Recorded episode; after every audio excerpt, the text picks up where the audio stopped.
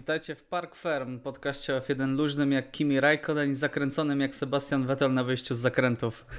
E, ja nazywam się Michał Brudka, jestem e, gospodarzem tego podcastu, a wraz ze mną e, moimi gośćmi, waszymi gośćmi są Iwo Lubowski.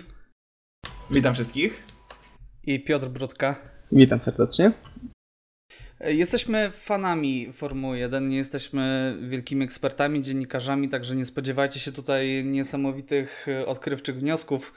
Jesteśmy po prostu pasjonatami, którzy lubią F1 rozmawiać, e, którzy lubią F1 oglądać e, i pomyśleliśmy, że po prostu będziemy się tymi naszymi kibicowskimi przemyśleniami z Zafatala dzielić z innymi. Może na początek kilka słów o nas. E, ja nazywam się Michał Brudka, jeszcze raz przypomnę. E, Formułę 1 oglądam od 2006 roku. Jest to oczywiście związane z wejściem do Formuły 1 Roberta Kubicy. Natomiast oglądałem pojedyncze wyścigi dużo wcześniej i oczywiście związane było to z Schumacherem, także jakieś pierwsze wspomnienia wiążą się z tamtym czasem. E, Piotrek, jako że E, też e, zaczynałeś oglądać razem ze mną Formułę 1, to e, jak wyglądała twoja, twoja przygoda, twój początek w ogóle z Formułą 1? Ja na dobrą sprawę oglądam Formułę 1 kiedy pamiętam, może w tych wcześniejszych latach, kiedy byłem młodszy i szczególnie przed debiutem Roberta Kubicy. Rzadziej się oglądało te wyścigi, też ciężej trochę było wtedy to oglądać, ale na dobrą sprawę Formuła 1 jest ze mną przez większość mojego życia. A i w ostatnim momencie jest to tak na jeszcze wyższym poziomie bardziej człowiek się w to zagłębia. I jeszcze został nam oczywiście Iwo. Iwo, jak twoja przygoda z Formułą 1 się zaczęła? E, moja przygoda zaczęła się całkiem niedawno. E, w gruncie zaczęła się raczej od e, grania w gry i próbowania, jakieś próby na symulatorach na PC i tak naprawdę zacząłem oglądać w zeszłym roku, dokładnie od Azerbejdżanu. Był to pierwszy pełny wyścig, który obejrzałem, także dla mnie jest to zupełnie świeża sprawa. Natomiast w tym momencie zastanawiam się, co ja robiłem wcześniej ze swoim życiem. Czyli mamy, powiedzmy, że dwóch pseudoekspertów, e, którzy oglądają bardzo już bardzo pseudo, dokładnie, podkreślamy to na każdym kroku. E, mamy dwóch pseudoekspertów i, i człowieka, który ma bardzo świeże spojrzenie na Formułę 1. E, może nie zna wszystkich historii i wszystkich arkanów, e, które się za tym kryją, ale na pewno nadrabia. myślę, że nadrabia na bieżąco e, i też ma swoje własne przemyślenia na pewno. Jest to podcast w formie bardzo luźnej, także mam nadzieję, że będziecie się dobrze bawić. Mam nadzieję, że my też będziemy się dobrze bawić. Więc myślę, że możemy powoli przejść do tego, co działo się dzisiaj. A działo się nie, nie za wiele, dokładnie. E, mieliśmy dzisiaj jubileuszowy tysięczny wyścig e, Grand Prix Chin. Jakie są Wasze ogólne wrażenia? Piotrek, może Ty zaczniesz? No, niestety Grand Prix Chin pokazało nam to, co większość ludzi kojarzy z Formuły 1, czyli niewiele akcji, głównie jeżdżenie pętli do toru na dobrą sprawę i odhaczanie kolejnych okrążeń. Na dobrą sprawę, jak tak po wyścigu próbowałem sobie przypomnieć, co było warte zapamiętania, jeżeli chodzi o ten tysięczny wyścig, to próba wyprzedzania e, Maxa Verstappena na mhm. Sebastian Fotelu. E, bardzo ciekawe rozwiązanie taktyczne, jeżeli chodzi o, Merce o pit stop Mercedesa. E, jednoczesne ściągnięcie e, Louisa Hamiltona i Valtteriego Bottasa. Mhm. E, no i na dobrą sprawę ciężko powiedzieć coś więcej o tym wyścigu, bo tej dużej akcji, dużo takiej bezpośredniej walki i akcji nie było. Niestety. Mhm. Jak ty na to patrzysz, Iwo? no, mi się wydaje, że Piotrek zapomniał o takiej jednej dosyć ważnej kwestii. Otóż e, Dani, da, Dani, Dani, Danile Kwiacie, który bardzo ładnie zdyskwalifikował prawie, że dwa McLareny już na początku wyścigu. W tym tak. samym miejscu, z tego co pamiętam, co sobie nadrabiałem właśnie moje braki, już kiedyś taką sytuację powtórzył. Nie pamiętam, czy to był Red Bull, czy to było Toro Rosso, chyba Red Bull? On, on jeździł w Red Bullu wtedy. No właśnie. Yy, I zamknął konkretnie Vettela i Vettel uderzył w Raikkonena. No, pamiętam, to był, to był ten słynny początek torpedy. Yy, I torpeda powróciła, tak. To jest na pewno jedna z rzeczy, która zapada mocno w pamięć. Yy, czytałem wypowiedź Kwiata po tym wyścigu on nie uważa siebie za winnego. On powiedział nawet y, bardzo ciekawe zdanie, że musi pójść do sędziów i porozmawiać z nimi za zamkniętymi y, drzwiami, bo to, że dostał karę przejazdu przez aleję, to jest skandal. Znaczy, ta sytuacja bardzo przypomina mi e, Romana Grożana z zeszłego roku, który wpadł w Carlosa Sainza i on też nie zrobił tego w sposób jakiejś chorej dive bomby, tylko po prostu stracił panowanie, a był blisko. To był trochę pech, trochę jego wina, natomiast nie zrobił tego w taki sposób e, jakiś absurdalnie dziki. A, I tak to wyglądało przynajmniej z Tikama na bolidzie Kwiata. Mm. Natomiast no, tak, był w złym miejscu, w złym czasie, no i to bardzo źle wyglądało, to, to, to trzeba przyznać. Ale jest coś w wychowankach Red Bulla, że zauważyłem taką tendencję, że większość właśnie kierowców, którzy wychodzą ze stajni Red Bulla, e, albo biorą udział w ich e, programie przygotowującym juniorów, to bardzo rzadko przyznają się do winy. I jest coś w tym, jest to zarówno e, Sebastian Vettel w swoich wcześniejszych latach, mm -hmm. na mhm. początku kariery, później Max, najlepszy przykład Max Verstappen, który w zeszłym sezonie chociażby i Daniel Kwiat też potwierdza tą tendencję, że wszyscy są winni dookoła, ale nie ja. No to, to jest myślę, że trochę y, też y, właśnie to, co mówisz, y, to, to wychowanie Red Bulla, że tak powiem. E, ale nie wszyscy tak mają. No, Dany Ricciardo nie przypominam sobie, żeby takie akcje robił, ale Dany no, jest po prostu świetnym kierowcą, który nie popełnia błędów.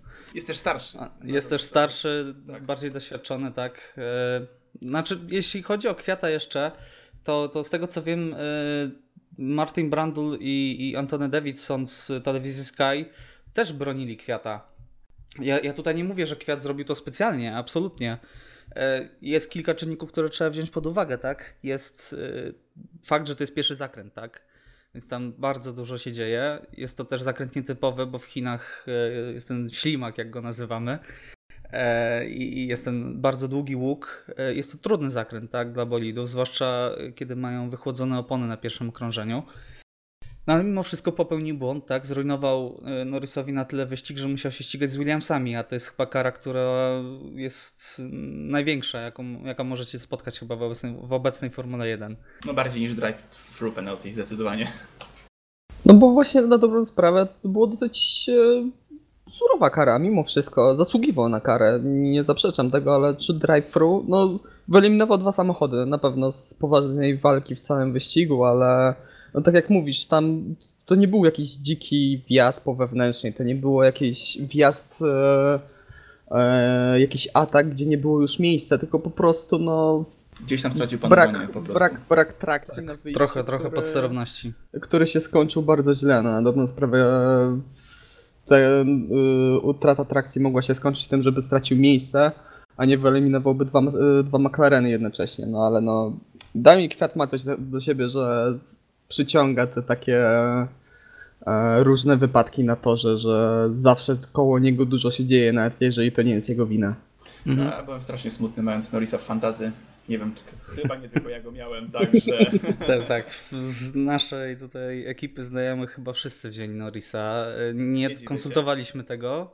No ale zajął szóste miejsce w Bahrajnie, tak? Pojechał fantastyczny wyścig. To jak później zobaczyłem na nagraniach, jak wyprzedził bodajże Piera Gasliego, e, używając całej długości tarki na dohamowaniu. Naprawdę super, super manewr. Więc Norris zostawił po sobie dobre wrażenie. McLaren też dał jakby taką nadzieję, że będzie lepiej. A tutaj kolejny wyścig, gdzie no są problemy duże, tak? Nie tak, zawinili w żaden tak. sposób, ale też nie mieli jakiegoś niesamowitego tempa w kwalifikacjach. Do Q3 nie weszli. Nie, też startowali nawet w Q2, sobie bardzo słabo poradzili i to też była jedna z takich, jeżeli można nawiązać do sesji kwalifikacyjnej, że to było dosyć duże zaskoczenie mimo wszystko. E, takie nagła utrata tempa przez McLarena w porównaniu do Grand Prix Bahrainu. No, szczególnie, że nad nimi znaleźli się i Toro Rosso, i Racing Point, i Alfa. Alfa, która też sobie przecież źle radziła, tak? No, e, nie ale... wiem, czy, czy zgodzicie się, ale odnoszę takie wrażenie, że Alfa, która była taka pojawiały się głosy, że będzie czarnym koniem, tak? E, te, tego, tego sezonu i będzie nawet w stanie walczyć z pierwszą trójką nawet, a trochę zawodzi. Oni jeszcze w, wyścigowym tempie wyglądają świetnie, znaczy wygląda świetnie Raikkonen, tak? Bo to, co Giovinazzi robi, to na razie nie zachwyca, bardzo łagodnie mówiąc, e, ale, ale czegoś brakuje Alfie, zwłaszcza w kwalifikacjach. Znaczy, mi się wydaje, że na Alfa została nałożona trochę zbyt duże oczekiwania, głównie jeżeli chodzi o przejęcie, o nazwę, nową mhm. nazwę, tak jakby e, wszyscy pomyśleli, że jeżeli Alfa Romeo wejdzie z większymi pieniędzmi e, i przy okazji te onboardy z testów w Barcelonie wyglądały naprawdę bardzo obiecująco, ten samochód wyglądał na bardzo stabilny, bardzo, ba, bardzo dobrze e, prowadzący się poprzez zakręty. Ale też weźmy pod uwagę, e, jak rok temu, z jakiego miejsca startowało mm. Zauber jeszcze wtedy. E, porównując... No, byli na szarym końcu z Williamsem, tak? Dokładnie, a porównując to, jaki zrobili krok do przodu mimo wszystko, to mi się to naprawdę e, mogą być siebie dumni po tym, jaki robią progres cały czas. Mhm. No też nas, trzeba postawić pytanie, co się dzieje z, właśnie z Antonio, że tak odstaje od Kimiego Raikkonena, czy to jest po prostu kwestia pierwszych kilku wyścigów i później nadrobi e, to tempo, podobnie jak Charles Leclerc w zeszłym sezonie, który Właśnie. na początku nie błyszczał na tle Markusa Eriksona, który był wielokrotnie krytykowany. E, czy po prostu, no niestety może przerosnąć Formuła 1 właśnie młodego Włocha. Ja bym, ja bym się jeszcze wstrzymał. Nie wiem, czy Iwo się zgodzisz Może, z tym. Tak, jest za wcześnie. Uważam, że jest za wcześnie. Trzy nie, wyścigi jasne. to jeszcze nie Trzy wyścigi to, tak, to jest tak, tak. nic, ale... No racja, za wcześnie. Chociaż no na pewno zwróciło na siebie uwagę. No mamy Norisa, po dzisiejszym wyścigu na pewno jeszcze przejdziemy, dzisiaj jeszcze przejdziemy na pewno do Alexa Albona, ale to sobie zabijmy na dalszą część. Tak, zaraz będziemy tak rozmawiać o, o, tym, kto najbardziej zaimponował w wyścigu i dlaczego jest to Alex Albon. ale e, jeszcze, jeszcze kilka słów o Giovanazzim i myślę, że można zahaczyć o Piera Gastiego, tak? E, myślę, że jest jeszcze trochę za wcześnie, bo świetnym przykładem jest e, Dany Ricciardo, który przez lata jeździł w Red Bullu, był po prostu zżyty z tą maszyną niesamowicie. Przeszedł do Renault i wydawałoby się, że będzie po prostu, ma taką renomę, tak, że będzie miażdżył Hulkenberga w każdej sesji. A na razie to nie wyglądało tak dobrze, tak? W tym wyścigu oczywiście poradził sobie bardzo dobrze, tak? Dojechał do mety, zajął siódme miejsce, e, best of the rest, tak? Jechał swój na... wyścig. Jechał swój wyścig, tak? E, utrzymywał się co prawda za nim Perez, e, ale dojechał na siódmym miejscu, tak? Zdobył punkty. Oczywiście Hulkenberg nie dojechał w ogóle do mety, tak? Ale pokazał się z naprawdę dobrej strony, ale mimo wszystko te dwa wyścigi bardzo narzekał na bolid. Także przypomnieć można też Szarla właśnie to, co Piotrek powiedziałeś, że Szarl dopiero y, po Azerbejdżanie tak y, zdobył taki wigor, tak? Tam zajął to szóste miejsce bodaj? Tak, e, tak. I wtedy, tak, szóste wtedy miejsce ruszył. i wtedy się odblokował, tak? Jest też duża presja na kierowcach. E, zwłaszcza kiedy masz po drugiej stronie garażu takiego wyjadacza jak Kimiego Raikkonena, tak? Który wchodzi, e, który zna do, dosłownie każdy centymetr każdego toru, bo jeździ w Formule 1 od kilkunastu lat i też jest na pewno ciężko Giovanazziemu, tak? Także ja bym się jeszcze trochę wstrzymał. Oczywiście można być zaniepokojonym, bo trzeba być zaniepokojonym.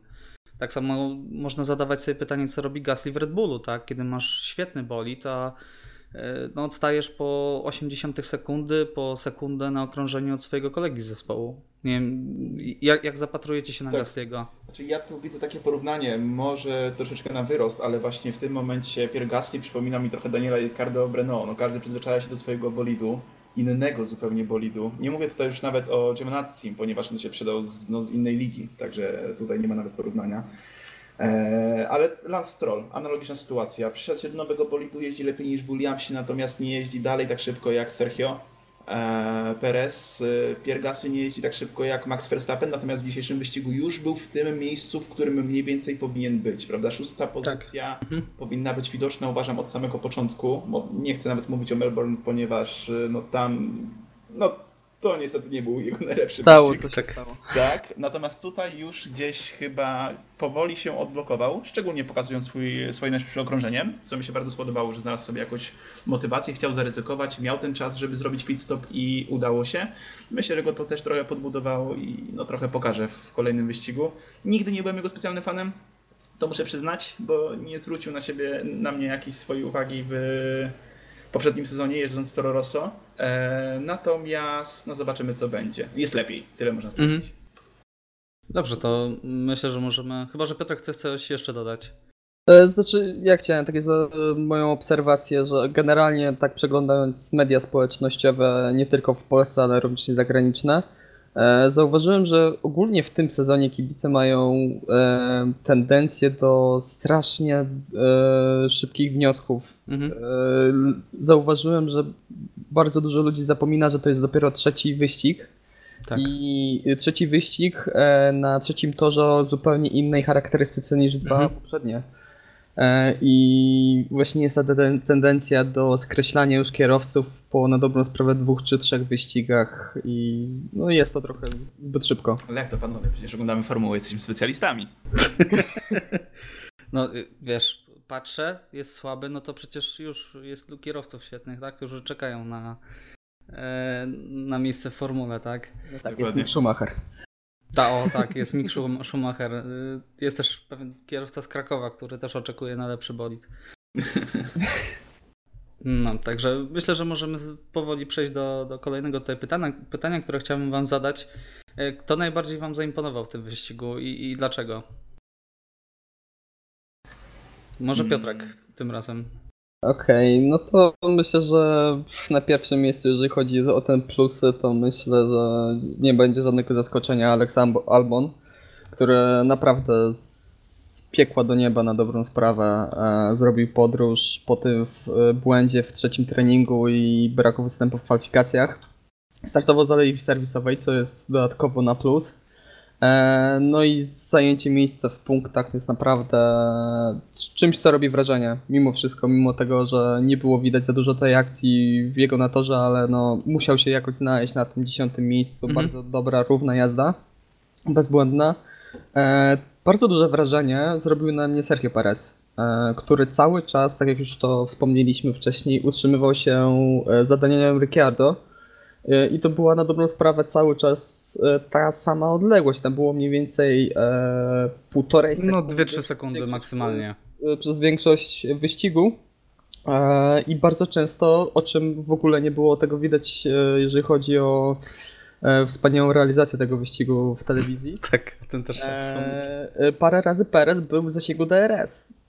I to w ogóle nie było pokazane e, Mhm. w telewizji. I naprawdę duży plus, biorąc pod uwagę właśnie też e, odniesienie do jego kolegi zespołowego. Mhm. Znowu zdobył bardzo dobre, bardzo ważne punkty dla Racing Point. E, Tak. I jeszcze tak e, z kierowców, którzy zapadli mi w pamięć, tak e, jeżeli mówimy już o tym tak zwanym środku stawki. Kimi Raikkonen, który nie miał najlepszych kwalifikacji, nie miał tempa w kwalifikacjach. E, A w sumie Kimiego Raikkonena, jeżeli chodzi o takie dobre ściganie, to dzisiaj oglądaliśmy najwięcej. Już tych walk nie było bardzo dużo na torze, ale w większości tych, które widzieliśmy, to zazwyczaj gdzieś tam był w okolicy Kimi Raikkonen i naprawdę kolejne punkty dla Alfa Romeo. E, No i duży plus, widać, że mimo swojego już jak na Formułę 1 sędziwego wieku, można by powiedzieć, to naprawdę Kimi Raikkonen cały czas ma to coś. E, Myślę, że Kimi bardzo by się obraził, gdybyś tak powiedział. Myślę, że nawet by mi nie odpowiedział. Bła. Kurczę, trochę wyczerpałeś temat. No, to, są jedyni, to są chyba jedyni kierowcy tak naprawdę, którzy, których warto pochwalić z tego względu, że pierwsza szóstka jest tam, gdzie być powinna. No tutaj jakby zaskoczeń żadnych nie ma. No brawa dla Gastiego, że się przebił przez środek stawki, mimo wszystko. Ale tak, Alex Albon. Tutaj uważam, że jednak pokazał się ze swojej dobrej strony. Ja się bałem po prostu, że się zablokuje e, po trzecim treningu, bo był przerażony pod tym, co się stało i się wcale nie dziwię i obawiałem się, że gdzieś tam będzie w tej, można powiedzieć, ostatniej czwórce, powiedzmy. Natomiast jestem pozytywnie zaskoczony, skończył w punktach, nie dał się Romanowi, czego się obawiałem w ostatnim, nawet w Mhm. ostatnim konkretnie okrążeniu. Tak. E, Grożą zrobił gdzieś tam błąd, bo z niecałej sekundy, potem spadł chyba na dwie sekundy gdzieś pod koniec, e, ale ostatecznie mu się udało. No i Sergio Perez. Jechał swój wyścig, jechał tam, gdzie się go nie spodziewałem, bo tam uważam powinny być hasy.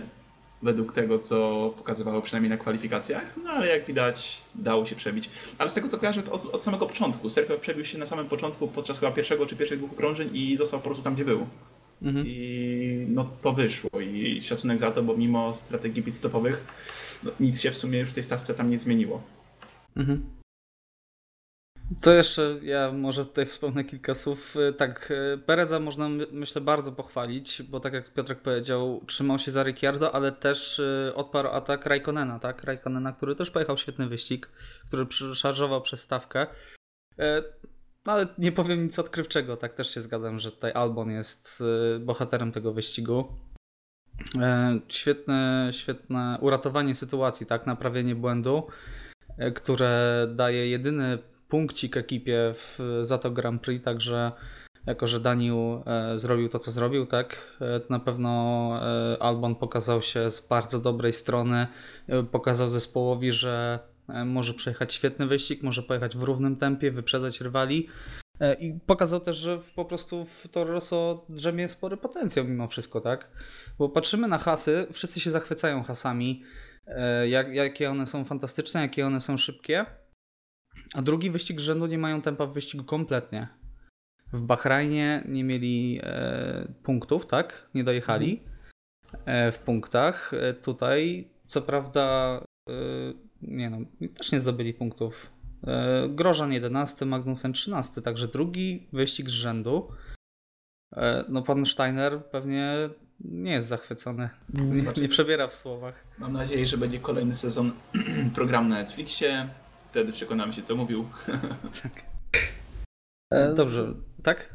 No i też no, trzeba też pochwalić zwycięzcę wyścigu Lewisa Hamiltona mimo wszystko. Dobry start, e, udało mu się wyprzedzić kolegę zespołowego i później bardzo dobrze kontrolował tą, e, tą przewagę nad e. No ale no niestety Mercedesy po raz kolejny pokazały już drugi wyścig w tym roku, gdzie e, ekipa z Niemiec po prostu była poza zasięgiem kogokolwiek. Ja bym uważał z tym niestety, bo jeszcze nie wiemy, kto będzie nas słuchał. Czy niestety pod tym względem, pod, Pod względem rywalizacji, tak? Nie, Widowiska, oczywiście. bo Jakbyś, jakbyś spojrzał na wyniki trzeciego treningu, tak, to masz trzy, y, drugiego treningu i pierwszego, y, to masz trzy zespoły w 0,2 sekundy. Przychodzi wyścig, Red Bulle nie mają tempa, Mercedes poza zasięgiem i myślę, że to był główny powód, dlaczego nie mieliśmy dobrego widowiska, tak? Mhm. Luisa oczywiście można pochwalić, ale Luis zrobił to, co, to, czego się wymaga od pięciokrotnego mistrza świata, tak? E, Facet y, no, jeździ fantastycznie, nie popełnia błędów, jest bardzo skupiony, też Walteri na niego naciska.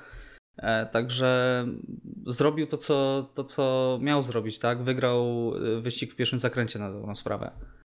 Mhm. No, to samo, co Walteri zrobił w Melbourne. No, dokładnie, tak. dokładnie. No, lustrzane odbicie. Ale też niepokoić może y, pod względem rywalizacji oczywiście. Nic nie mamy tutaj do ekipy Mercedesa, która myślę, że jest absolutnie najlepszą ekipą teraz w Formule 1. Y, Po raz pierwszy od 92 roku y, zdobyła trzy dublety z rzędu. No, totalna dominacja. Tak, to jest naprawdę pokazuje, że Mercedes jest zespołem kompletnym pod każdym tego, y, pod każdym względem na dobrą sprawę. E, Że może nie zawsze mają czysto takie w pełni dobre tempo, tak jak to pokazało w Bahrajnie, gdzie po prostu byli wolniejszą ekipą od Ferrari, Mhm. nie oszukujmy się. E, Ale albo to strategią, albo po prostu niezawodnością swoich samochodów, e, no po prostu zostawiają resztę stawki w tyle. Dobrze, myślę, że najwyższy czas, żeby przejść do creme de la creme y, naszego dzisiejszego odcinka, czyli Ferrari. Dlaczego Ferrari jest tak złe w planowaniu? Dlaczego Ferrari nie potrafi po raz kolejny e, zaplanować dobrze e, strategię wyścigu? Team Orders e, między, między Team Orders skierowane do Charlesa, tak? Leclerca.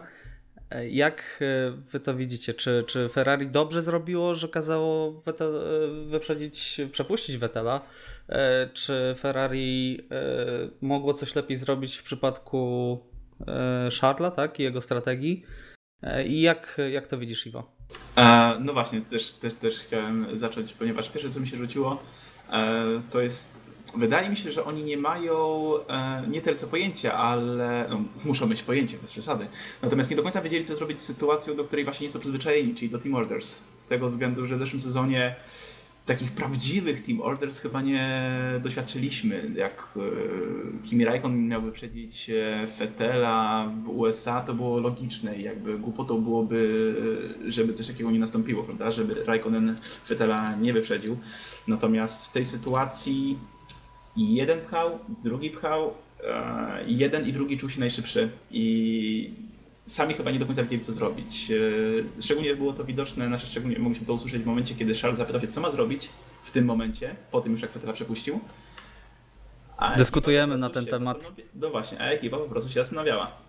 I jakby dyskutowali na ten temat dokładnie i ostatecznie skończyło się jak się skończyło. Nie są przyzwyczajeni do tego, tak ja to widzę. No tak, ale Iwo, no taka ekipa jak Ferrari musi być przygotowana Musi na taką ewentualność. oni Dobrze wiedzieli, co robią zatrudniając Leclerca przecież. Zgadza się, natomiast jeżeli chodzi o ich strategię, to też dobrze widzieli, wi, widzimy, co robili rok temu i obawiam się, że nie za wiele w tym momencie się zmieniło, ponieważ mając taki bolid, już pomijmy usterkę techniczną ze zeszłego wyścigu. Gdyby nie ona, to Charles, no tutaj nie wiem, co musiałby stać, żeby nie dowiózł y, tego zwycięstwa. E, Natomiast w tym momencie widzimy, że gdzieś się tutaj też troszeczkę pogubili. E, No, oczywiście dochodzi fakt, że po prostu nie mieli tempa w porównaniu do Mercedesa. No tego nie, to jest e, coś, czego nie można zaprzeczyć. No i tutaj się pojawia problem. Będzie walka, nie wiedzą co z tym zrobić. Nie wiedzą chyba kto, kto ma wygrać. Tak, Piotr, jak, jak ty na, na to patrzysz? Na kogo powinno Ferrari postawić? Czy powinno postawić na Leclerca? Jak mogli się zachować dzisiaj inaczej ewentualnie? No chyba, że myślisz, że się zachowali fantastycznie i Vettel dojechał na podium. E, Znaczy, nie, nie zachowali się fantastycznie. E, Tak zacznę od końca e, odpowiadać na to pytanie. Ja myślę, że podjęli dobrą decyzję o przepuszczeniu Sebastiana Fettela, ale ta decyzja zapadła o 2-3 okrążenia za późno.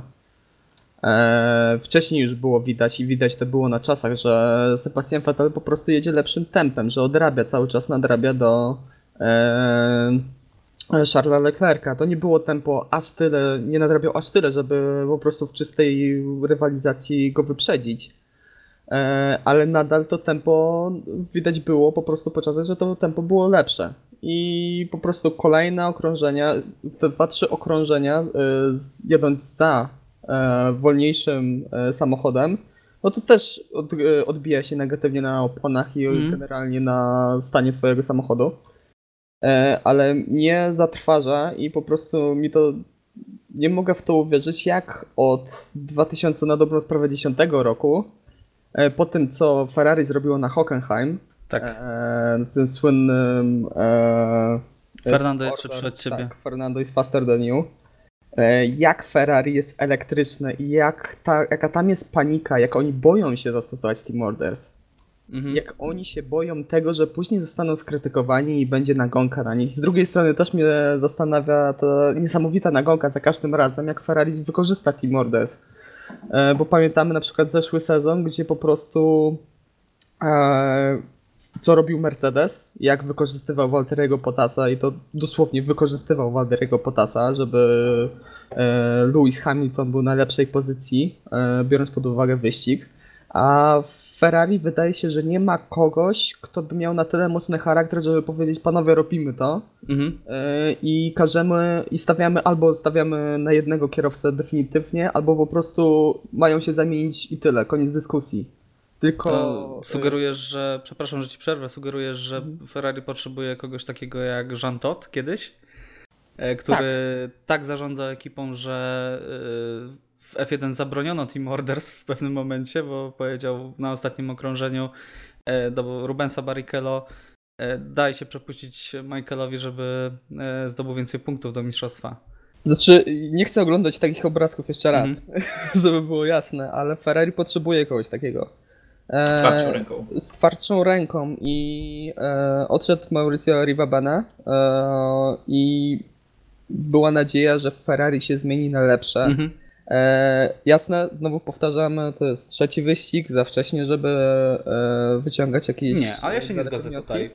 Ja, E, ja bym ale wyciągnął tutaj wniosek Ale daleki. na razie tej e, tego nie widać. Powiem więcej, jak na razie po trzech wyścigach, jak dla mnie to wygląda, że to jest zmiana na minus.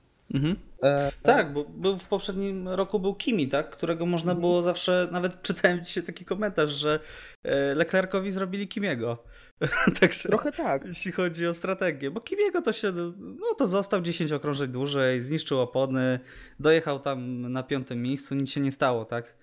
E, ale ja już widzę, ja już widzę, że cały sezon tak będzie. Oni nie potrafią sobie z tym poradzić. Jak sobie przypomnę, jedno z pierwszych moich w ogóle yy, wspomnień z Formuły 1, to był wyścig chyba na Silverstone, kiedy Honda była niesamowicie szybka i albo Takuma Sato, albo Jenson Button, chyba Jenson Button, jechał lepszą strategią niż Schumacher.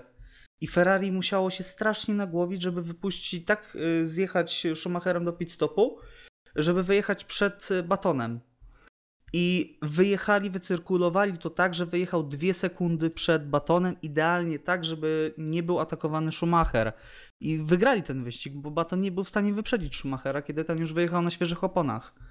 A gdyby, gdyby źle to zrobili, gdyby to było Ferrari dzisiejsze, to, to by to przegrali, tak? Y, także Ross Brown taka osobowość przydałaby się teraz bardzo Ferrari, moim no, zdaniem. Niemoc strategiczna, jeżeli chodzi o Ferrari, teraz jest e, straszna, naprawdę. Tak. Mi się w to nie chce wierzyć, że ekipa z takim doświadczeniem, no najbardziej doświadczona ekipa w stawce, e, z taką historią, e, tak bardzo się gubi i jest tak bardzo niekonsekwentna w tym, co robi.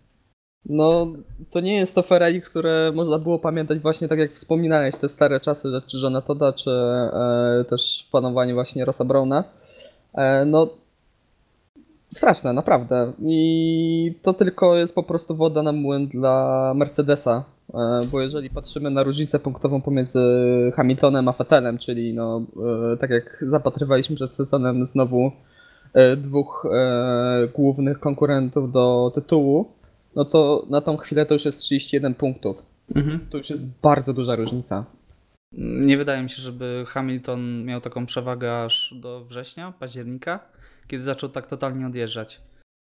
Także jest mhm. dramat, jest po prostu dramat i Ferrari musi się szybko. Yy, znaczy, problem Ferrari polega na tym, że oni mogli uratować to czwarte miejsce dla Leclerca.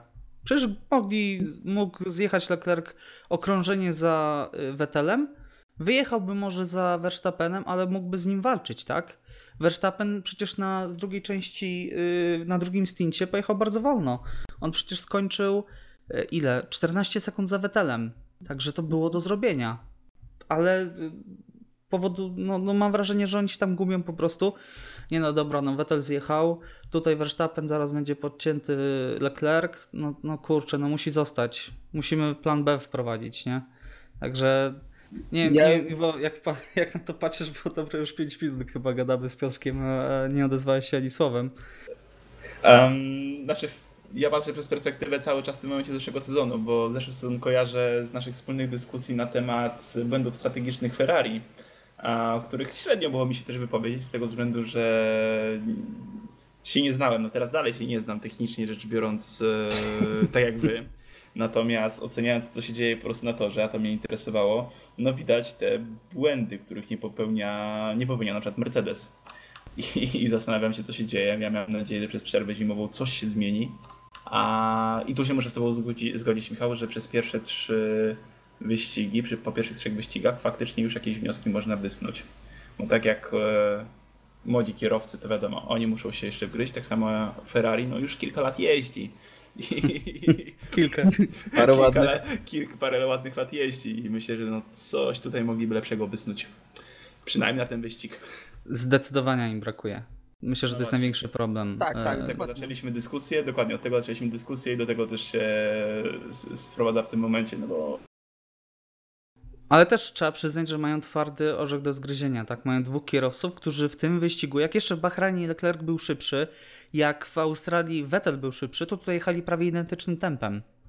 Y, naprawdę, zwłaszcza wiesz, w kwalifikacjach była minimalna różnica. Nie Verstappen, przed Verstappenem, a próbą jeszcze opóźnienia któregoś z Mercedesów.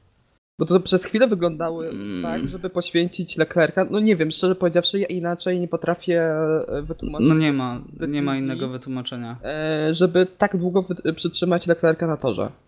Naprawdę. Ale i tak nie mieli tempa. Vettel dojechał na 3 sekundy i nie był w stanie się jeszcze bardziej zbliżyć. No, To, dlatego, to takie wiesz, zrobili mu, nie dlatego zrobili mu Kimiego, tak? No dokładnie. Dobrze, myślę, że wyczerpaliśmy e, temat Ferrari.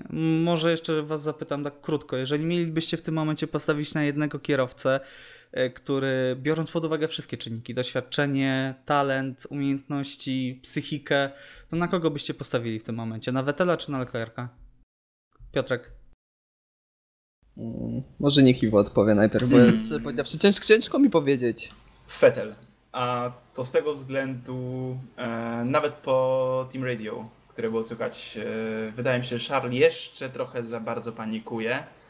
A, to się pewnie zmieni, ale dla mnie Fetel mimo wszystko jest bardziej opanowany.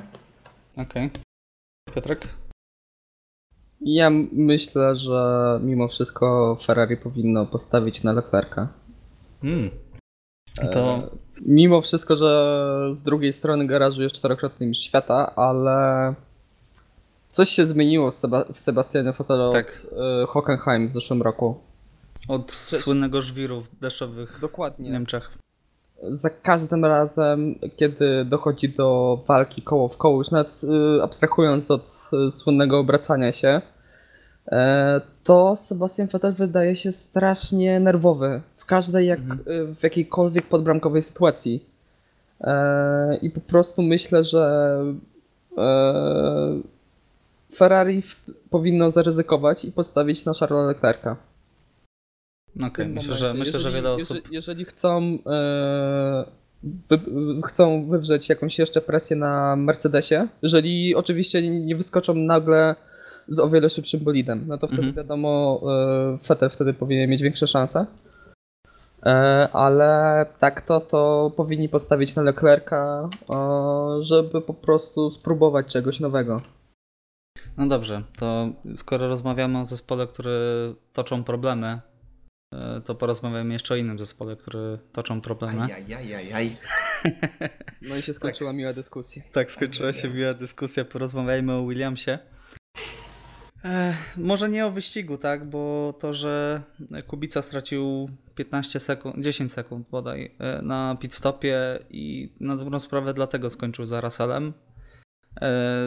Pomijając już wszystkie e, tutaj aspekty, tak, wyścigu, chciałbym to pominąć, bo myślę, że to jest jałowa dyskusja, tak. Williams jest absolutnie najgorszym zespołem. Williams jest w tym momencie zespołem, który nie zasługuje na jeżdżenie w Formule 1, E, ale chciałbym tutaj ugryźć jedną rzecz, mentalność zespołu. Nie wiem, czy widzieliście, nie przesyłałem wam tego, ale jest ujęcie z kamery z bolidu Kubicy już e, kiedy jest bolid w garażu. Jest e, mechanik, Mhm. który oparł się o halo i jest po prostu załamany. I po prostu, wiesz, opiera się, chowa e, głowę w dłoniach, tak? Jestem ciekawy, Jest po prostu masakra. Znaczy, y, trochę ci przerwę, sorry, ale jestem ciekawy, tak z drugiej strony chciałbym zo- zobaczyć y, nagranie, takie nawet 5-10 sekund tego nagrania, bo z drugiej strony też mogło to być trochę wyrwane z kontekstu. Mimo wszystko. No tak, no oczywiście. Znaczy, to jest Mogła bardzo to być... wymowne i to bardzo pasuje do sytuacji Williamsa Tak. aktualnie, ale e, mm, jestem ciekawy, czy to naprawdę wyglądało tak, jak, A to nie jak jest to widać. S- Sądzisz, że szukał kierownicy w bolidzie? Czy... No to nie jest chyba pewna sytuacja, bo też chyba nie pamiętam, czy ty Michał, czy ty Piotrek e, podrzuciliście właśnie krótki filmik z tego, jak zachowuje się jeden z mechaników e, podchodzących do, po prostu Mhm. podchodzących do bolidu podczas pit stopu. Tak, Jakby to był trening, a nie wyścig. tak. Zauważyli, że jest problem? No dobrze, no to już podchodzę. No. No, nie poganiaj mnie, już podchodzę, no. Te, też też Bez sensu. ciężko o motywację dla, dla tych ludzi, e, jak widzą, co się dzieje po prostu. Tak. Ciężko się zmotywować, bo Najgorzej- to walczą. no Najgorzej, że mechanicy nie mają nic do gadania. Problem leży w fabryce. Mechanicy są chwaleni przez Roberta. Oczywiście po dzisiejszym wyścigu nie byli chwaleni, bo mu zawalili pit stop, tak? Ale mówił wielokrotnie Robert, że y, mechanicy wykonują świetną robotę na tym, co mają. Więc no, są w pod bardzo podobnej sytuacji co kierowcy. Ale chciałbym o innym aspekcie rozmawiać, że nie wiem, czy zauważyliście, nikt nie mówi, że będą jakiekolwiek poprawki do tego bolidu. Nie ma Tak. y, gadania, że na Hiszpanii szykujemy nową wersję bolidu. I Może postaramy się ją tam wprowadzić. Może skupili się na 2021. Nie wiem, w takim tempie to ich tam nie będzie w 2021. Sorry. No, Na, no, najpierw, no, muszą, tak. y, najpierw muszą cokolwiek zrobić w tym sezonie, bo jak będą tak dojeżdżać, to nikt nie będzie chciał tego sponsorować. Y, I skończą albo w ogóle wylecą z Formuły 1, albo zostaną turbo klienckim zespołem, tak? Zespołem C. Y, To mnie najbardziej martwi, bo przytoczę tutaj wypowiedź y, starszego inżyniera wyścigowego Williamsa, pana Dave'a Robsona. Mieliśmy dziś przyjemny wyścig i byliśmy w stanie ścigać się z kilkoma samochodami, które znalazły się z tyłu stawki po incydentach na pierwszym okrążeniu. Mieliśmy czysty, dobrze przejechany wyścig przez obu kierowców i byliśmy w stanie wyegzekwować rozsądną strategię na jeden postój z Robertem. Co? Że to też pokazuje e, Ajajajajaj. E, Team Radio e, Roberta Kubicy zaraz Tak. po wyścigu, gdzie Robert Kubica ogólnie e, to Team Radio i też wypowiedzi Roberta dzisiaj po wyścigu. No nie wiem, ja sobie nie przypominam tak tak złego Kubicy. Tak, już na dobrą sprawę to już Zrezygnowanego. Zrezygnowanego, tak. Tu już się wkrada rezygnacja i ja tej rezygnacji za bardzo nie pamiętam. Już nawet za tych czasów w WRC, kiedy tam w tej fieście się wszystko waliło i psuło, te wypowiedzi były bardziej pozytywne niż tutaj. E, i to też jeszcze wracając właśnie do tego, e, do tej rozmowy radiowej, że Kubica mówi, że mówił, że nie wie co się dzieje, że nie może cisnąć w tym samochodzie, że to jest totalnie tragedia. Na co inżynier wyścigowy mówi, że no ale dobrze dzisiaj rozporządzałeś oponami. Tak. No nie wiem, dla mnie to jest trochę. Ja, tak ja bym przyłożył chyba podejście. takiemu inżynierowi po, po wyjściu z bolidu, Jest naprawdę. już dużo za późno, żeby robić dobrą minę do złej gry, zdecydowanie. Tak. Bo to już jest... e, To nie jest czas na słodki PR, tak? Że dojechaliśmy do mety. No brawo, dojechaliście. No, może dlatego to jest jedyny plus tego bolidu, że on dojeżdża do mety. Przynajmniej nie Bo było jeszcze- No, Dokładnie. dwa tygodnie temu. Ale no, co to jest za tłumaczenie? Gdzie jest, gdzie jest wypowiedź Claire, która mówi pracujemy dniem i nocą w fabryce, żeby y, na Hiszpanii przygotować nową wersję tego bolidu, albo trz- nową podłogę dla Roberta, która, nowe zawieszenie, które będzie mu działać. Co to ma znaczyć? Problemy. Pierwsza wypowiedź, że jest kardynalny błąd w bolidzie, była w drugim, w pierwszym tygodniu w Barcelonie. Testy w Barcelonie były dwa miesiące temu. Naprawdę można coś w tym czasie zrobić a oni nie mają nadal części zamiennych. Znaczy, nadal można coś zrobić, jeżeli masz e, działający e, dział projektowy. No właśnie, by ja mam wrażenie, że tam przed, w grów e, to są po prostu pustki na korytarzach, y, wyłączone komputery, bo nie ma kto tam pracować. To tak wygląda, no na dobrą sprawę, nawet jeżeli zatrudnili nowych ludzi, to to jest dosyć długi proces, żeby te nowe osoby w ogóle zobaczyły na czym stoją. E, Jak to wygląda i jak polepszyć to, co, co już jest, bo mimo wszystko nadal mi się wydaje, że mimo, że jest tragicznie, to i tak można zrobić gorzej. Nie, nie, nie. nie, nie. Ja nie pamiętam, ja nie pamiętam tak złego, tak odstającego od reszty z- zespołów Formula 1. Ha- Pamię, pamiętam HRT Piotrek, ale wtedy Mhm. jeszcze były dwa zespoły, które były równie wolne. Tak, no właśnie Były nieco szybsze. ale trochę przykrywało to HRT. Ale Williams jest na poziomie HRT. Williams notuje czasy fatalne, które absolutnie nie przystają do reszty. No, co my, o czym my tu w ogóle rozmawiamy, tak? Oni tracą dwa okrążenia do pierwszego, pie- do najlepszych, tak? Dwa okrążenia. I to z Kubicą, który jedzie na jeden pit stop. I nie ma żadnej przygody w wyścigu. Jedzie jeden pit stop mniej, więc traci teoretycznie te. Wiadomo, że to się niweluje na oponach, tak? Ale traci teoretycznie mniej od najlepszych i, i traci dwa okrążenia, trzeci, trzeci wyścig z rzędu. To jest I oni, mówią, I oni mówią, że są bliżej środka stawki, bo jeszcze jest dalsza część tej wypowiedzi. E, poczekajcie, tylko znajdę. Mm, Mieliśmy pewne poprawki w samochodzie w ten weekend i zaczęliśmy zmniejszać stratę do innych. No wow! No Bo ta strata nie była już aż tak, e, znaczy nadal jest tragiczna, ale trochę ta strata topnieje. Jest e, oczywiście za duża, cały czas za duża, żeby mówić to o, o czymkolwiek poważnym, bo na dobrą sprawę Williams teraz, biorąc pod uwagę jak się prezentują na to, że to przypomina zespół półamatorski na dobrą sprawę. E, I teraz przeglądając właśnie z, w międzyczasie zajrzałem na stronę Williamsa. E, No nadal te ogłoszenia o pracę wiszą, także można się zgłaszać, wysyłać CV-ki. Ale to, to jest straszne, że na dobrą sprawę y, bardzo dużo jest właśnie e, ludzi, szukają ludzi na tym wysokim szczeblu. Tak. I to jest na, najgorsze. Pomijając to, że nie ma szefa ekipy, tak?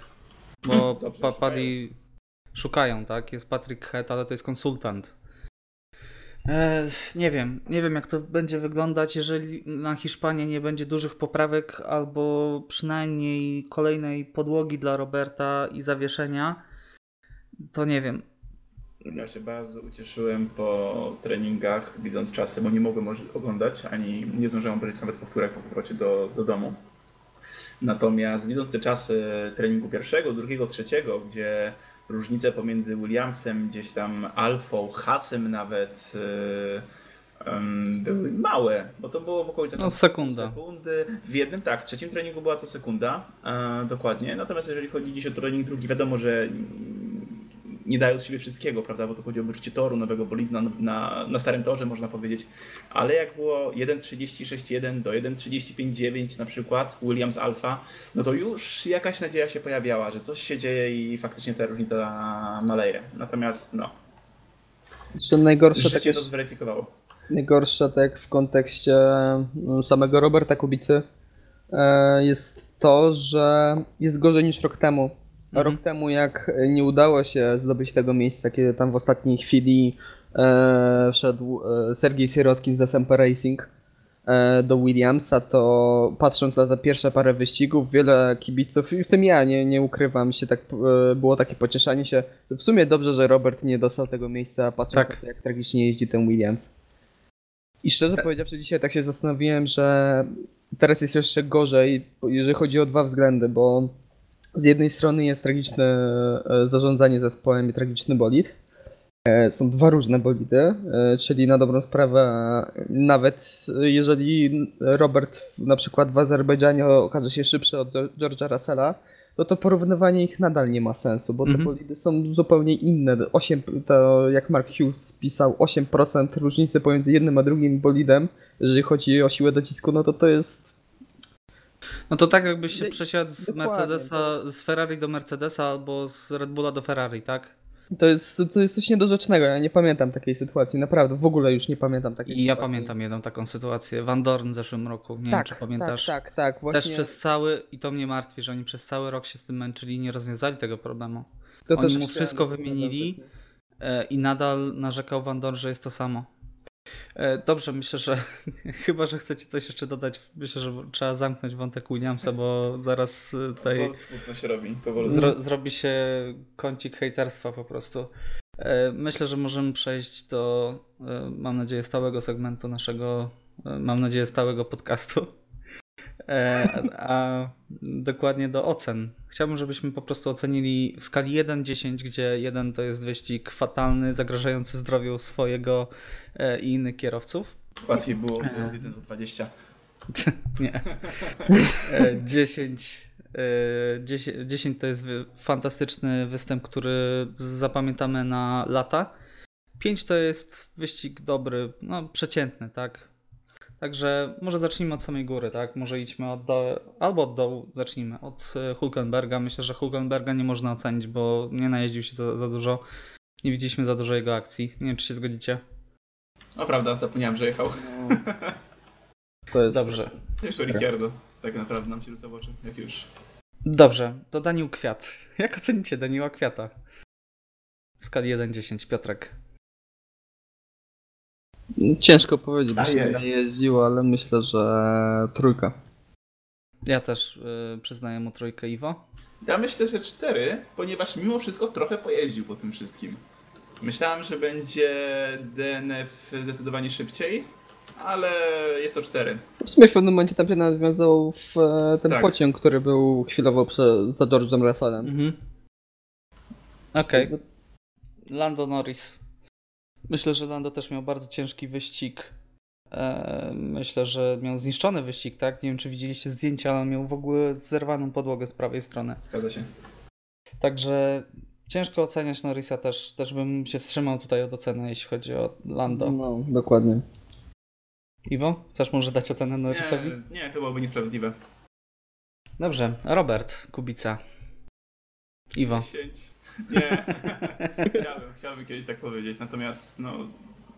Co mogę powiedzieć? Robił co mógł. e, Dwa, bo jechał po tym samym torze co inni kierowcy. Nie no, myślę, że y, oceny powinny być oderwane od y, możliwości bolidu, tak? Oceniamy co pokazał, czy pokazał coś dobrego, tak? Czy przejechał dobry wyścig, czy, czy przejechał zły Okej. wyścig. Na takiej bardziej zasadzie chciałbym, żeby to wyglądało, także y, myślę, że dawanie Robertowi tutaj tak niskiej oceny w żaden sposób A prze- nie wywieram żadnej presji Myślisz, na że, to. myślisz, że przejechał to. dobry wyścig? Myślę, że przejechał przeciętny wyścig. No. Dobrze wystartował, ale sam powiedział, że nie miał kompletnie tempa na... i ma problem z e, uzyskaniem tempa wyścigowego. Mimo wszystko, gdyby nie jego zepsuty pit stop, byłby bardzo blisko Russella. Bliżej niż w Bahrajnie i zdecydowanie bliżej niż w Australii. Tak, no ale w takim razie, pomijając kwestię bolidu, stawię 4, bo nie za bardzo było co oglądać. Mhm. Więc Tak, że tutaj zostanę przy czwórce. Okej, Piotrek? Cztery, takie cztery minus, p- mając w pamięci e, okrążenie rozgrzewkowe. Okej. E, Ja też myślę, że dam czwórkę Robertowi. E, George Russell. Piotrek. Mm, ja bym George'owi dał mm, 6 albo 7. Coś tak pomiędzy, bo naprawdę mimo tego, że e, ma no Williams jest jaki jest, no to Russell dzisiaj trochę można zapamiętać z George'a. Mm, przez chwilę się utrzymywał na tej 12 pozycji, e, miał w miarę dobre tempo, szczególnie pierwszy stint, gdzie tam w miarę się nawet trzymał jeszcze e, całej reszty Formuły 1 całej reszty stawki na dobrą sprawę, to trochę można zapamiętać z tego wyścigu. Mhm. E, Iwo? Mm, z mojej strony będzie 5, bo jechał troszkę lepiej. No to może być kwestia bolidu faktycznie, natomiast e, wydaje mi się, że to, to konsystencji było troszeczkę większe w jego wykonaniu, także tutaj będzie 5. Tak. Ani dobrze, ani źle. Mhm. Ciężko inaczej to ocenić. Przeciętny występ, tak? Dokładnie. E, Ja myślę, że zasługuje Russell na szóstkę, tak pomiędzy wami. E, Nie przejechał jakiegoś bardzo dobrego wyścigu, ale pokazał, że na tym no- normalnym poziomie Williamsa, który powinien być dla e, drugiego kierowcy też, mimo wszystko radzi sobie przyzwoicie i, i tak jak Piotrek powiedział, był w stanie przynajmniej zatrzymać na chwilę resztę kierowców, tak? E, Myślę, że możemy przejść dalej. Giovinazzi. E, Iwo? Mm, 4. Wprawdzie przyjechał wyścig, natomiast no, wymagałbym od niego troszeczkę więcej. Ja nic nie pamiętam, jeśli chodzi o No. Giovinazziego. To jest, to jest mój problem z tym kierowcą w tym wyścigu. Piotrek? No ja też na dobrą sprawę nic nie pamiętam, myślę, że piątka, bo podobna pozycja do pozycji startowej. No Ja- w ogóle nie zapadł w pamięć. Mhm. Ja, bym mu dał, ja bym mu dał nawet trójkę, bo na dobrą sprawę zakończył mm, nawet za Sańcem, który miał bardzo duże przygody i kompletnie nie pokazuje tempa. Wiadomo, że startował z samego końca też, tak? Z 19 miejsca. No ale co to za sztuka wyprzedzić e, Williamsy i uszkodzone bolide, które nie dojechały do mety. Także zwłaszcza, że Kim pokazał, że w tym bolidzie grze, grze, grzemie jakiś potencjał, tak? Jest jakiś potencjał, jest w stanie jeździć szybciej. E, dobrze, Carlos Sainz. Piotrek? Mm, myślę, że szóstka. Mhm. Bo mimo wszystko, mimo tej przygody i bardzo długiego pierwszego postoju, gdzie tam McLaren miał problemy ze zdjęciem przedniego skrzydła, Mhm. e, to udało mu się e, wyciągnąć ten wyścig i może punktów nie było, ale no ale jechał dobrym tempem. Sainz pokazuje, że naprawdę niektóre, tak przynajmniej w tym, w tym sezonie, a jeżeli chodzi o takie czyste tempo, że może był trochę zbyt ostro oceniany ostatnio. No, jest okej, jeśli chodzi o Sańca, tak? Na pewno nie jest tak źle, jak niektórzy o nim mówią. E, Zgadzam się z szóstką. E, Nieźle wyratował sytuację. E, Iwo też, tak? Iwo Tak, też się zgadza. Z tego względu, że zaczął na 14, skończył na 14 mimo torpedy. Więc wydaje mi się, że ponadprzeciętnie udało mu się dowieść bolid i tutaj faktycznie za to jest szacunek. Dobrze, kolejny jest Magnussen z Hasa na 13 miejscu. E, Iwo, jak byś ocenił występ Magnusena? A, szczerze mówiąc, 5. Nie wiem, czy się zgodzicie. Ja bym zarówno Grożanowi, jak i Magnusenowi dał taką samą ocenę, bo oni przejechali praktycznie identyczny wyścig. Nie pamiętam żadnej akcji. Może mam kiepską pamięć taką. Tylko. Spadli z pozycji, Znaczy, się wy- wypadli z punktów. Mi się wydaje, że e, z hasem tutaj to nie jest wina kierowców, tylko to jest problem w samochodzie i że oni mają tempa. Mają jakieś problemy, jeżeli chodzi o tempo wyścigowe. I to sam e, szef zespołu Mhm. e, przyznaje, że po prostu mają jakiś problem w samochodzie, którego jeszcze nie mogą, e, nie są w stanie rozwiązać. Okej. Myślę, że piątki dla nich byłoby. Piątki. Myślę, że piątki to jest najlepsza ocena. Między nimi jest jeszcze Lance Stroll. 12 miejsce. Jak ocenicie Strolla? Też taki przeciętny wyścig, nie? Nie pokazał nic ciekawego. Nic, nie zwróciłem w ogóle uwagi na jego wyścig. To, to muszę przyznać. Dla mnie jest to 5, bo jechał, dojechał. Dokładnie. Nic wielkiego nie pokazał. Piątka? Piotrek, zgadzasz się? Tak, ogólnie jest ciężki wyścig do oceny. Tak, bo tak. Przez Jest większość strasznie mało słaby wyścig, jeśli chodzi o widowisko. E, Dobrze, to, to teraz dla odmiany. Alex Albon. Dla mnie to jest y, 8. Bo pojechał fantastycznie. Nie popełnił żadnego błędu i dojechał w punktach. Tak jak mówiliśmy już, myślę, że nie, nie ma za bardzo Mm. tutaj uskuteczniać, tak? E, I powtarzać się. E, Iwo, jaka jest twoja ocena? Też, też 8. Bo Piotrek? są punkt. Jest punkt. Mhm. E, też, też myślę, że 8. Tak, bo Albon zdobył jeden punkt. E, Kimi Raikkonen. Dla mnie to jest taka porządna siódemka. Pojechał bardzo dobrze. E, nie pojechał wybitnie, mimo wszystko, ale nie pamiętam jakiejś spektakularnej akcji z nim, ale uratował punkty dla zespołu. Iwo? Dla mnie 7, bo i się bronił, i atakował. Yy, ostatecznie ładne punkty. Jak na Alfę w tym momencie można powiedzieć tak, że Mhm. było go widać. O, było go widać, więc za to też 7. Okej, Piotrek? Mm, myślę, że się z wami zgodzę też, siódemka. Okej, e, Perez. Jak oceniacie Pereza? Piotrek,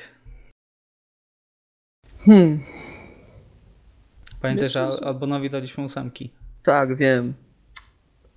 Nienawidzę skali 1-10, naprawdę. ale, ale hmm, też szóstkę myślę, no bo naprawdę zrobił bardzo dobrą robotę. Mi się wydaje, że zrobił naprawdę o wiele więcej niż e, Racing Point teraz jest w stanie na dobrą sprawę. Mhm. Iwo? Dla mnie 7. Za manewr na pierwszym bądź drugim okrążeniu, chyba pierwszym faktycznie, i na to, że dobił z bolid ładnie i przez cały wyścig tak naprawdę trzymał się bardzo blisko Renault.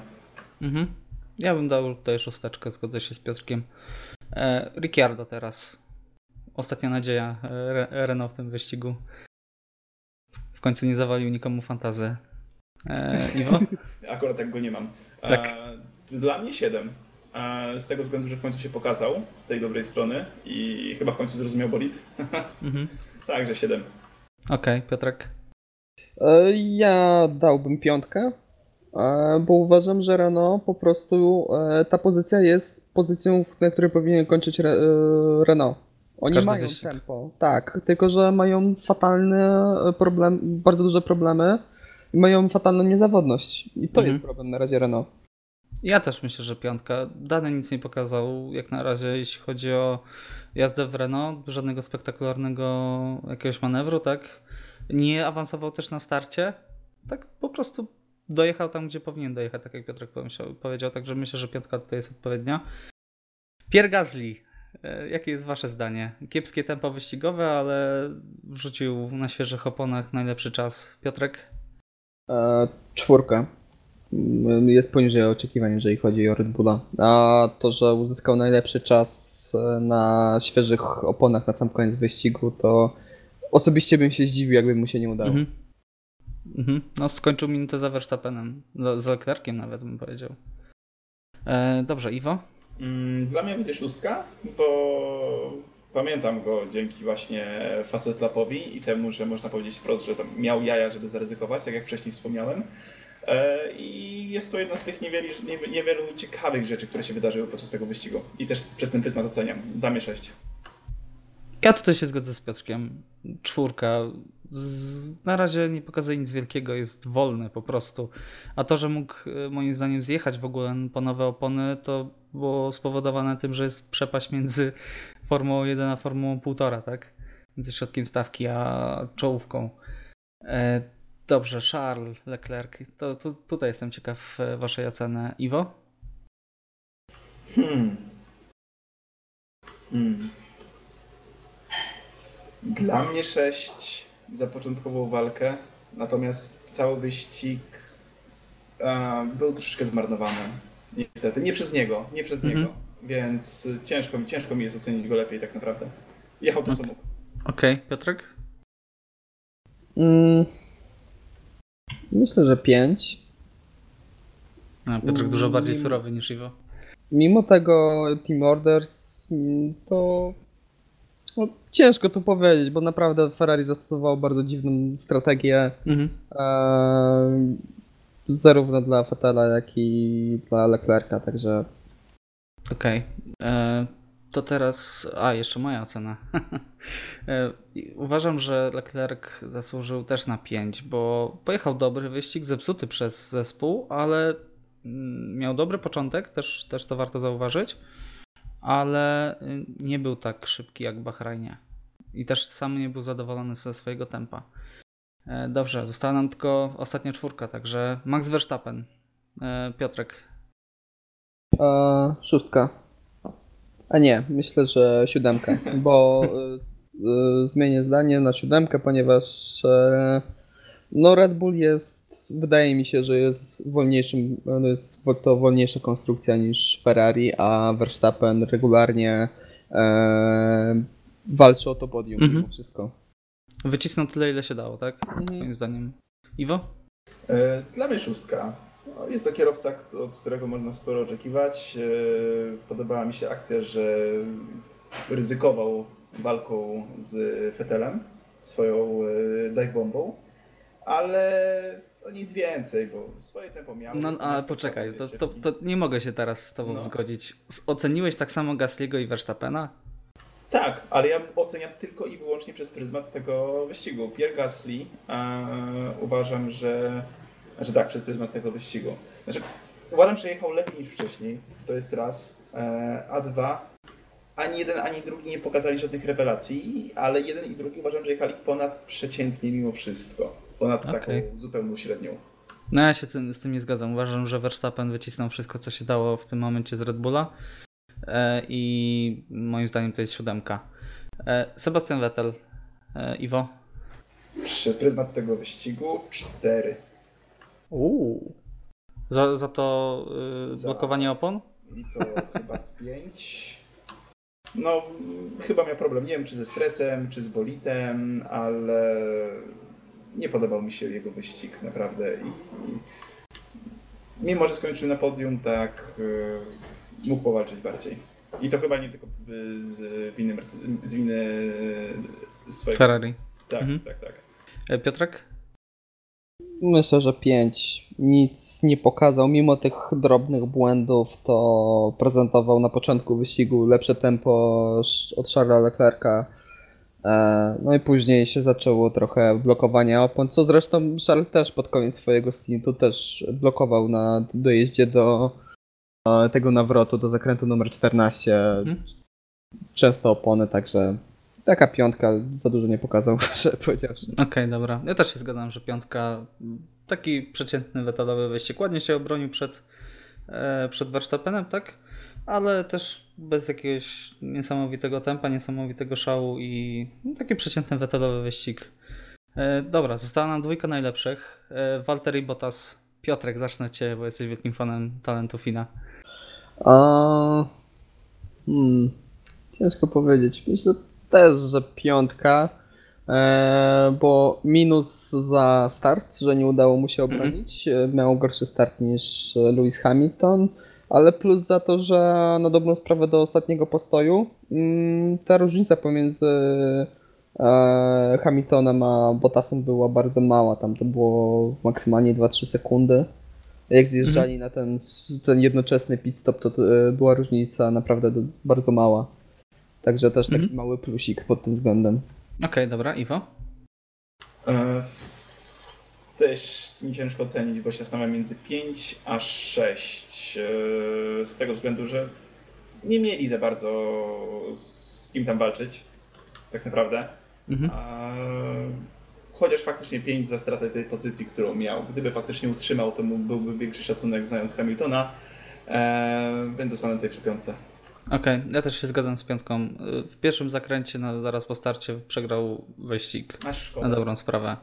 Y, I też nie był w stanie powalczyć w ogóle z Hamiltonem. Pomijając to, czy w ogóle była taka możliwość, czy zespół by na to pozwolił, tak? Ale trzymał się blisko, ale nie wystarczająco blisko, żeby zawalczyć. Nie było czegoś takiego, że drżeliśmy o. y, Fani Hamiltona drżeli, bo niekoniecznie my drżeliśmy. Nie było walki z przodu, tak? Po prostu. y, Najprościej rzecz ujmując. E, I zostaje Lewis Hamilton. Piotrek, jak oceniasz Hamiltona? Mm, myślę, że 6 Mhm. albo 7. E, no takie fetelowe zwycięstwo. No, wygrał start, bardzo dobry start. Przyzwyczaił do tego Hamilton, że ma dobre starty, pomijając z Australii w tym roku. Mhm. E, No a później mądra jazda, e, kontrolowanie tempa, kontrolowanie przewagi nad drugim kierowcą, także no mówię, wetelowe zwycięstwo. Mhm. Iwo? Mm, Dla mnie szóstka, ale to z, tego, z jednego powodu po prostu. Jak są tego typu wyścigi, gdzie mamy lidera jednego, który jedzie swój wyścig z przodu, tak po prostu nie pamiętam tego, bo jakby nic tam specjalnie ciekawego się nie dzieje, tutaj tak samo nic ciekawego się nie działo. Fajnie, że wygrał, fajnie, że zdobył pozycję, dlatego ta szóstka, a nie piątka. E, I chyba przy tym zostanę. Wygrał jak po swojemu, no, wygrał po swojemu. Mhm. Okej. E, Ja myślę, że Louis zasługuje na szóstkę tutaj. E, Dobry wyścig, wygrany start, ale też nie poszalał jakoś niesamowicie. Nie, nie zdeklasował wszystkich, tak? Szacunek natomiast za pit stopy, bo tego się nie spodziewałem, a wyszło. Dobra, y, zespołów dzisiaj nie będziemy oceniać. Ferrari pewnie dostało jeden. E, Williams pewnie tam skala, skali minusowej by nie starczyło. E, Także myślę, że możemy powoli kończyć. Jeszcze kilka słów o Azerbejdżanie. E, Następny przystanek 28 kwietnia, właśnie Grand Prix Azerbejdżanu, które przez ostatnie dwa lata były najlepszymi wyścigami chyba w całym sezonie. I naprawdę boję się. Nie wiem jak wy, ale ja się boję, że to będzie nudny wyścig jak 3 lata temu, że Nie, będzie ja procesja, że wszyscy będą czekać, jej, jaki to będzie super wyścig, e, a będzie nuda po prostu. Nie wiem, czy pamiętasz, jak mówiłeś mi rok temu, żebym tam specjalnie jakoś się nie emocjonował na wyścig w Azerbejdżanie. No i Jak ja zaklinam tak, obejrzałem- cały czas, co ja roku będę zaklinać. Jak ja ten wyścig obejrzałem, to ja się zastanawiam, o co ci chodziło? Zastanawiam się, o co ci chodziło. Czy to jest taki wyścig, jak tak wyglądają te ekscytujące wyścigi? Bo powiem szczerze, wtedy trzymałem się fotela. I bardzo czekam, naprawdę. Ciasny, fajny, szybki tor, e, dużo prostych, dużo zakrętów. Naprawdę stałem się fanem. Tak jak zacząłem oglądać do Azerbejdżanu, tak stałem się bardzo wielkim fanem tego toru. No i sekcja zamkowa, na którą niesamowicie czekam. Ja już się nie mogę doczekać tej podsterowności i nadsterowności z bolidu Williamsa. Jak sobie z tym porazem kierowcy. Bo na dobrą sprawę to jest tor, na którym zarówno Robert, jak i e, George chyba nie jechali. George chyba nie jechał. Znaczy Robert na 100% Jechał. nie jechał. Jechał? Formuła 2. Formuła, nie jestem w 100% pewien, ale w tym roku na pewno Tak, Formuła aha. 2 jedzie w Okej. Azerbejdżanie. Dobra, to zwracam honor. No to Robert będzie pierwszy raz w takiej sytuacji, w której e, no nie jechał na torze, a Russell jechał, tak? Także jestem ciekaw i to jest tor uliczny, na którym Robert zawsze wyciągał więcej niż się dało z e, bolidu. Także też jestem ciekaw, jak to będzie wyglądać. Nie chcę się napalać na niesamowitą walkę, ale może w końcu się doczekamy nawet w tym gorszym bolidzie, że Roberts wyprzedzi Russella, bo na to bardzo czekam i bardzo liczę na to. Także e, na, nasz następny odcinek podcastu będzie pewnie, będzie pewnie, na, na 100% będzie po, po wyścigu, także jeszcze krótko, w dwóch, trzech zdaniach dosłownie, bo już ponad godzinę rozmawiamy. E, tak, szybko zleciało. E, myślicie, że kto będzie najlepszy, kto wygra e, i, co się wydarzy? E, jakie są wasze przewidywania, Iwo? A po ostatnich trzech wyścigach wydaje mi się, że znowu może wygrać Mercedes, ponieważ radzą sobie w różnych warunkach, już teraz można stwierdzić. E, nie wiem kto, czy to będzie Bottas, Mhm. czy to będzie Hamilton, e, ale wydaje mi się, że wygra Mercedes ponownie. Okej, a ze środka stawki y, myślisz, że co, co się wydarzy? Czy nie wyjedzie trzy razy safety car albo y, Hulkenberg się rozbije? Nie, no właśnie tak. Yy, tak jak, jak zaczęliśmy mówić o Azerbejdżanie, tak wspomniałem o Hulkenbergu. Mam nadzieję, że on dojedzie w końcu, żeby w końcu dojechał jakiś wyścig. Znaczy, przepraszam, pierwszy dojechał bardzo ładnie, to przepraszam, co, zapomniałem. Natomiast, żeby tym razem dojechał, bo z tego co pamiętam, dwa lata temu nie dojechał, rok temu nie dojechał. Tak. No i mam nadzieję, że teraz w tym roku już dojedzie. E, I bardzo liczę, że Renault będą faktycznie, oba Renault będą blisko pierwszej trójki. Co? Okej, no Tak, to naprawdę. bardzo odważny Naprawdę, wniosek, naprawdę powiem ci. Chciałem Okej. zobaczyć walkę między Renault a Hasem, a żeby Has też nie był z tyłu, żeby działo się coś ciekawego, Mhm. no bo mówmy się, jak odjeżdża pierwsza, jak odjeżdża i Ferrari, i Mercedes, i Red Bull, to No To, jeżeli że- nie walczą między sobą, to jest nuda, tak? tak, to jest no, dokładnie. Więc ja bym chciał, żeby zobaczyć, żeby Renault z Hasem również powalczyły. Okej, bliżej. dobra. E, To nie były trzy zdania Iwo. Ajajajajaj. Piotrek, trzy zdania. Liczę. Dobra, myślę, że wyścig e, wygra Ferrari. Ze względu na to, że na prostych jednak e, są moc, mocni, a tutaj mam bardzo dużo prostych. A nie jest to zbyt kręty tor. E, Środek stawki, ja nie chcę tutaj jakichś e, przewidywań, bo środek stawki jest tak zbity i tak różnorodny, że No, to jest z kwalifikacjach- w kwalifikacjach czy w treningach ktoś może zajmować 7-8 miejsca, a później Has może spaść do drugiej dziesiątki, także no i oczywiście, jak to w Baku, bardzo jest duże prawdopodobieństwo, że będzie dużo wypadków, także zobaczymy. Okej, to teraz ja. Myślę, że wygra Verstappen. Myślę też, że myślę, że będzie chaos i będzie duża kraksa i Verstappen e, wygra. E, Myślę też, że Hulkenberg będzie w piątce. Jakieś szalone po prostu, które się kompletnie nie sprawdzą, ale zaklinam. A Ja co, to zaklinam. zapisuję. co. Okej. Natomiast E, Grożan? Grożan zdobędzie niech punkty. na safety cary. Nie, nie zdobędzie punkty, ale będzie musiał zjechać na pistę po kraksie. Dobrze, myślę, że możemy powoli kończyć. Jeżeli dotrwaliście do tego momentu, to bardzo Wam dziękujemy. Yy, Zostawcie yy, komentarze. Yy, Przekażcie, możecie nam też przekazać bezpośrednio, bo pewnie pierwszy odcinek trafi na początku do osób, które nas znają, dokładnie. Także yy, dziękujemy za wysłuchanie. Mam nadzieję, że spotkamy się już niedługo. Yy, Moimi i Waszymi gośćmi był Iwo Lubowski, Dziękuję bardzo. Piotrek Brudka. Dziękuję bardzo. I wasz gospodarz, Michał Brodka. Dziękuję bardzo. Do usłyszenia, trzymajcie się.